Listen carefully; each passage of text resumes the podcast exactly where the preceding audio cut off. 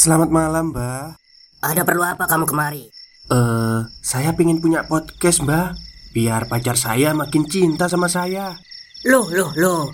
Mau bikin podcast kok tanya dukun? Sekarang kamu download aplikasi Anchor.fm. Di situ kamu bisa buat podcast gratis dan podcast kamu bisa didistribusikan ke platform mana pun. Dan di aplikasi atau website Anchor.fm juga terdapat fitur-fitur yang memudahkan kamu untuk membuat podcast. Oh, gitu ya, Mbak. Kalau gitu, saya boleh minta password wifi-nya, Mbak. Buat apa? Buat download Anchor.fm, Mbak.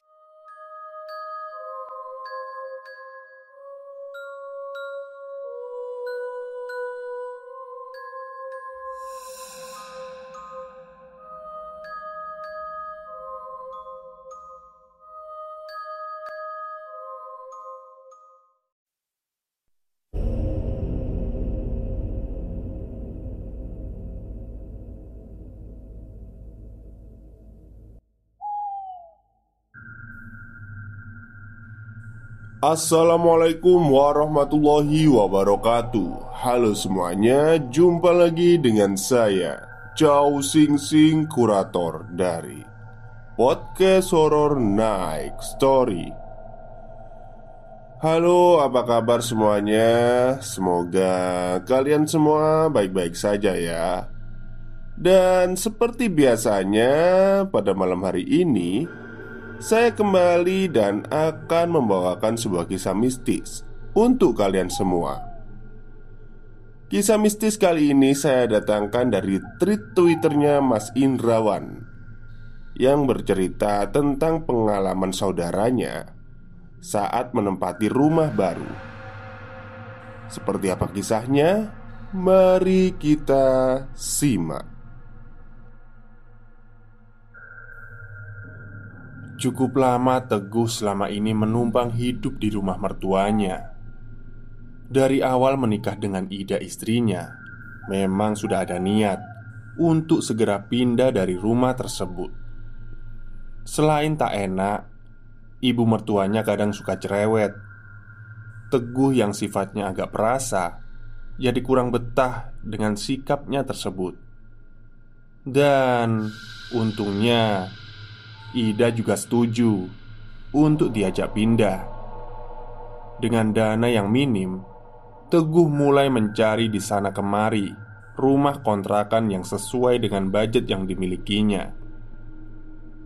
Setelah berkeliling hampir setiap hari, berhasil juga ia menemukan sebuah rumah sewa yang letaknya di sudut timur dari kota ini. Sebuah rumah yang sebagiannya berdinding kayu dan masih berlantai papan. Ukurannya lumayan, dengan dua kamar tidur dan dapur yang lega. Rumah ini masuk ke dalam sebuah gang dan letaknya agak menyendiri dari rumah-rumah warga lainnya. Sekitarannya terasa sejuk karena banyak dinaungi pohon-pohon rindang di sekeliling rumah tersebut. Merasa cocok dan juga menimbang dana yang dimilikinya, Teguh memantapkan hati untuk menyewa rumah ini. Ia catat nomor telepon yang tertempel di depan rumah itu dan segera mencari wartel terdekat untuk menghubungi pemiliknya. Berdasarkan cerita dari si pemilik, kalau rumah itu sudah cukup lama kosong sejak ditinggalkan penyewa sebelumnya, ya kurang lebih hampir satu tahun. Setelah sedikit bernegosiasi, akhirnya berhasil juga. Teguh mendapatkan rumah itu dengan harga yang sangat miring. Si pemilik beralasan, yang penting ada yang merawat rumah itu ketimbang kosong tanpa ditinggali. Teguh pun senang. Niatnya untuk segera pindah dari rumah mertuanya akan segera terwujud. Ida agak ragu ketika pertama kali melihat rumah itu. Selain bentuknya yang tua, lokasi rumah yang terlalu menjorok ke dalam makin menambah kesan seram. Ida belum terbiasa dengan suasana seperti itu. Tapi Teguh mencoba membujuk istri tersayangnya dengan alasan kalau uang sewanya sudah dibayar lunas dan suasananya yang sejuk cocok buat anak mereka yang akan lahir kelak. Ya, Ida memang sedang hamil muda saat itu. Hari pertama menempati rumah tersebut diisi dengan kesibukan mereka membersihkan dan merapikan barang-barang. Tapi malamnya mereka malah sulit untuk terlelap. Padahal badan terasa lelah setelah berkemas seharian. Mungkin karena masih proses adaptasi, ucap Teguh pada Ida malam itu. Setelah beberapa waktu kemudian, keduanya pun mulai terasa betah tinggal di rumah itu. Suasana yang sejuk dan sepi malah membuat hidup mereka terasa tentram. Tapi siapa sangka suasana tentram tersebut ternyata hanyalah awal dari kejadian-kejadian mistis yang akan mereka alami nantinya. Malam itu, Teguh belum pulang juga. Seperti biasa, Ida menunggu sambil asyik nonton sinetron di TV. Assalamualaikum. Terdengar suara seseorang di pintu depan. Pasti Teguh, pikir Ida. Buru-buru ia beranjak keluar dan membuka pintu. Waalaikumsalam Ida terdiam Salamnya terputus Di luar kosong tidak ada orang Siapa ya tadi? Batin Ida Ia memeriksa sekali lagi Tapi tetap saja Tidak ada siapa pun di sana Padahal Suara gedoran dan salam seseorang terdengar sangat jelas tadi. Ia merasa tak salah dengar. Dengan rambut di tengkuk yang mulai merinding, buru-buru ia masuk ke dalam. Di suatu malam, ketika Teguh sedang menonton TV sendirian, terdengar suara dari arah depan Suara seperti sesuatu ditarik-tarik dengan keras. Merasa terganggu, ia pun pergi untuk memeriksanya. Mungkin ada tikus atau kucing. Begitu ia tiba di ruang tamu, ternyata dugaannya salah.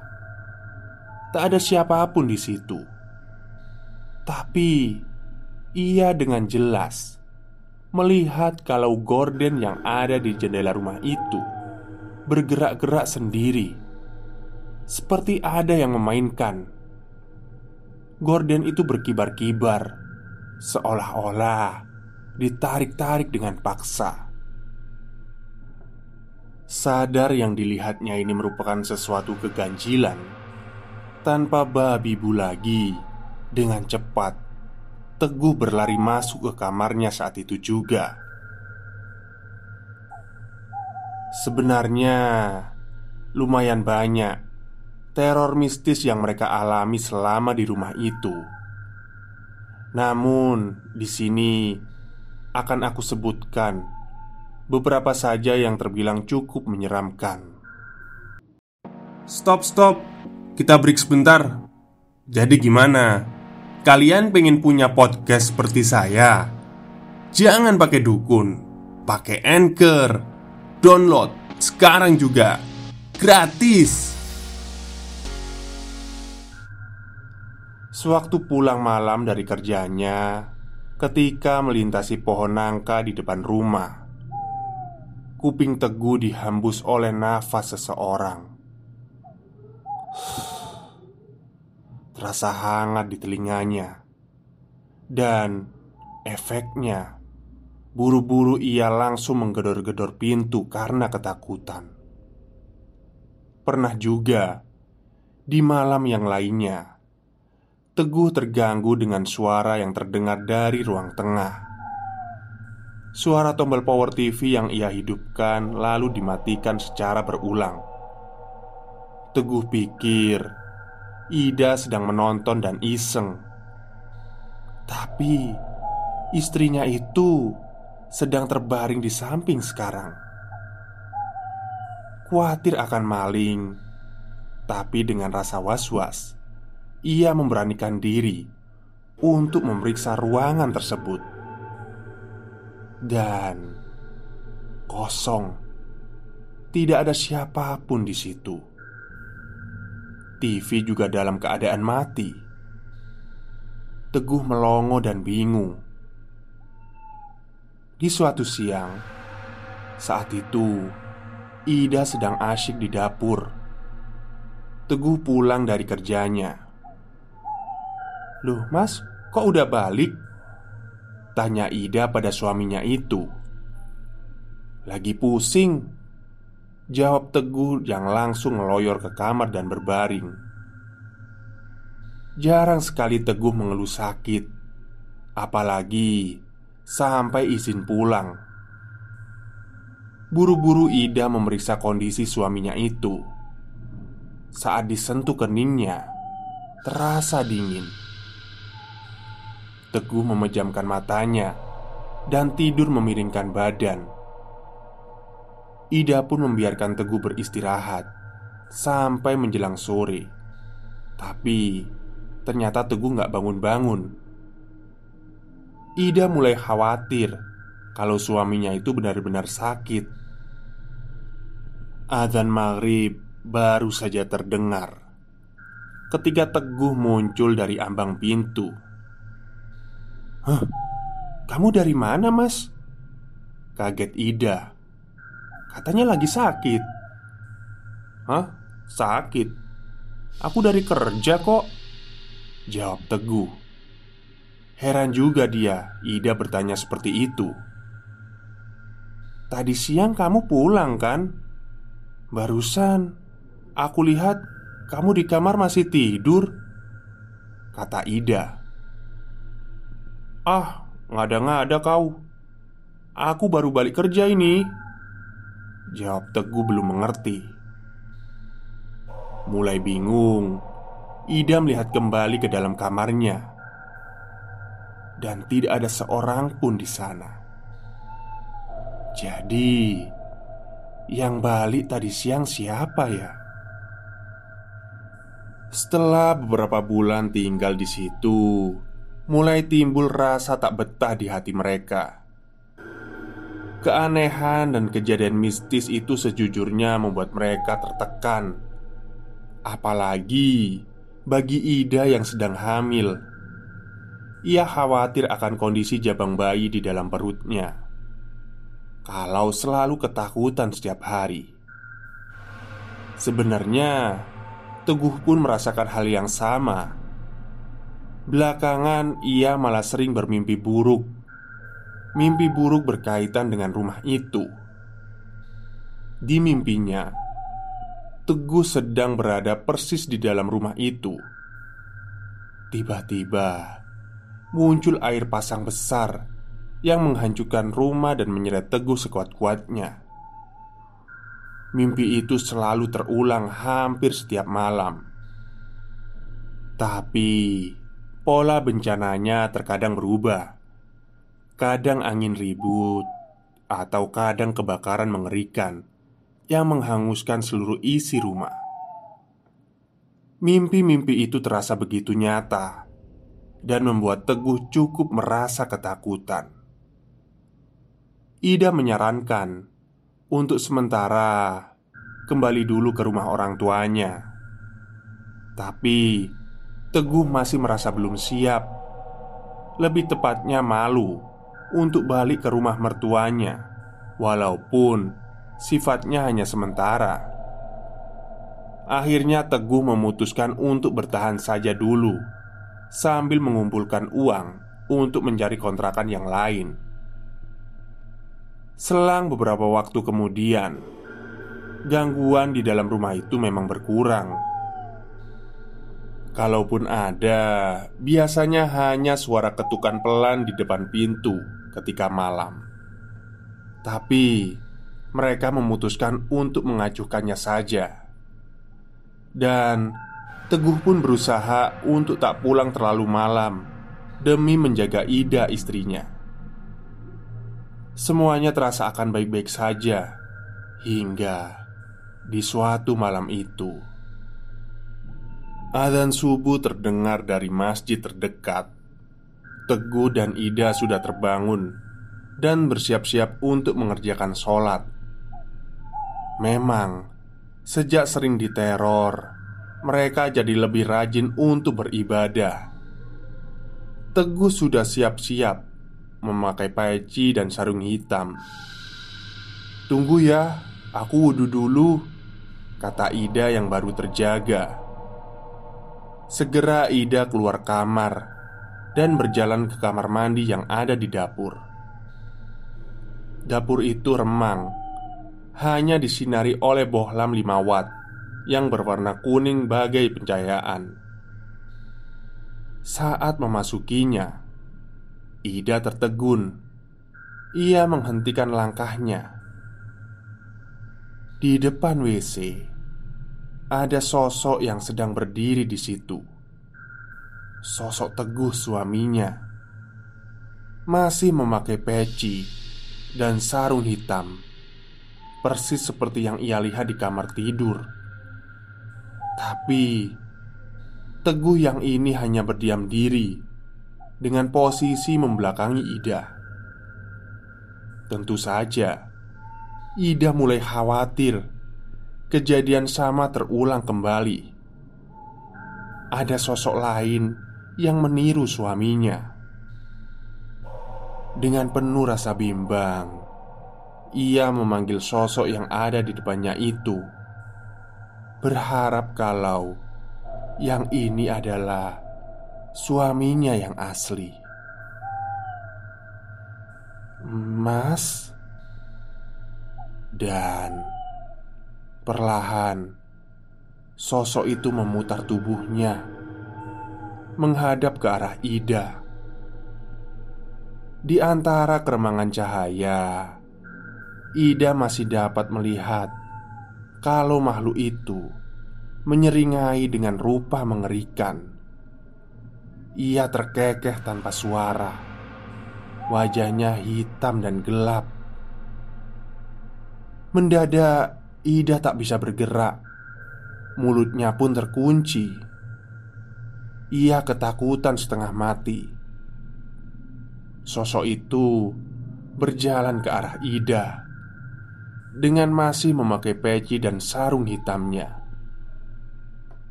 Makin ia melangkah, makin tinggi bentuk fisik makhluk hitam itu. Ida mulai menangis, menatap kengerian yang ada di depannya.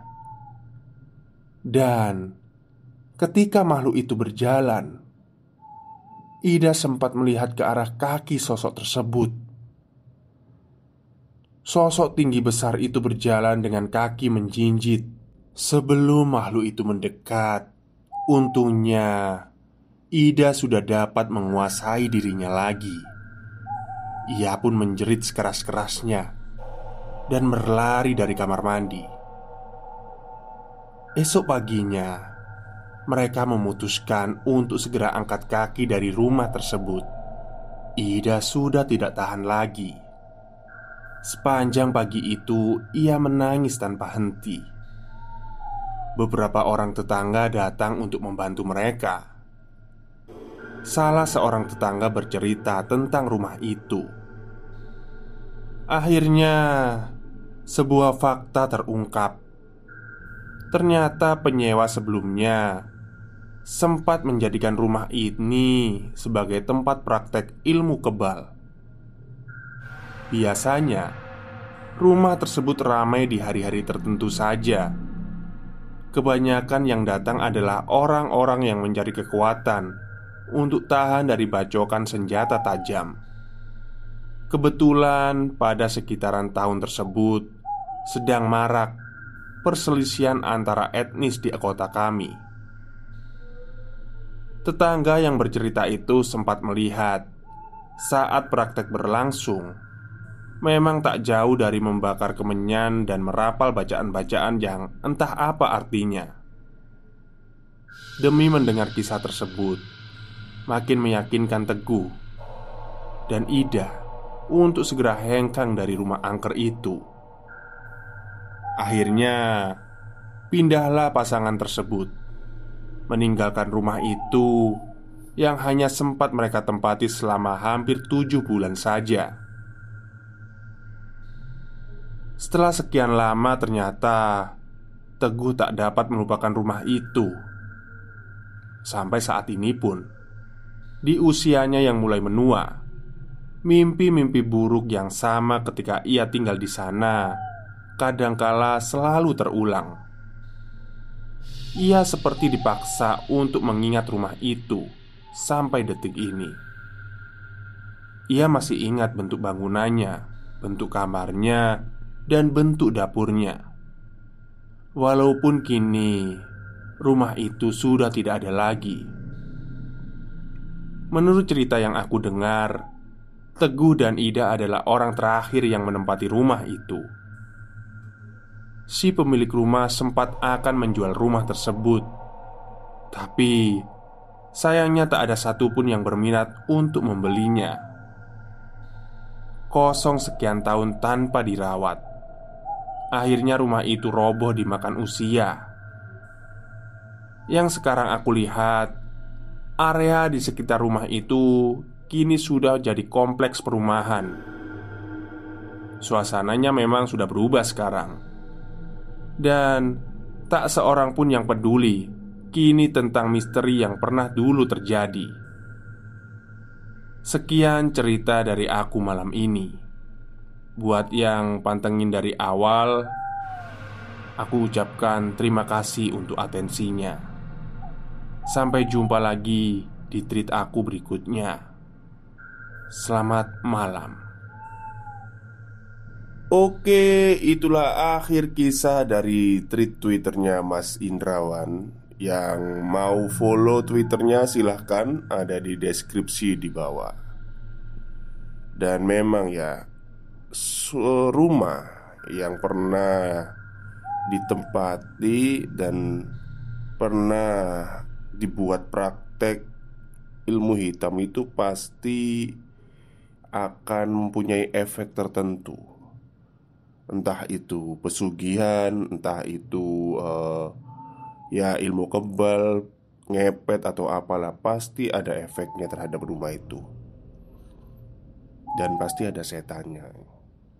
Oke mungkin itu saja cerita dari saya pada malam hari ini. Kurang lebihnya saya mohon maaf. Wassalamualaikum warahmatullahi wabarakatuh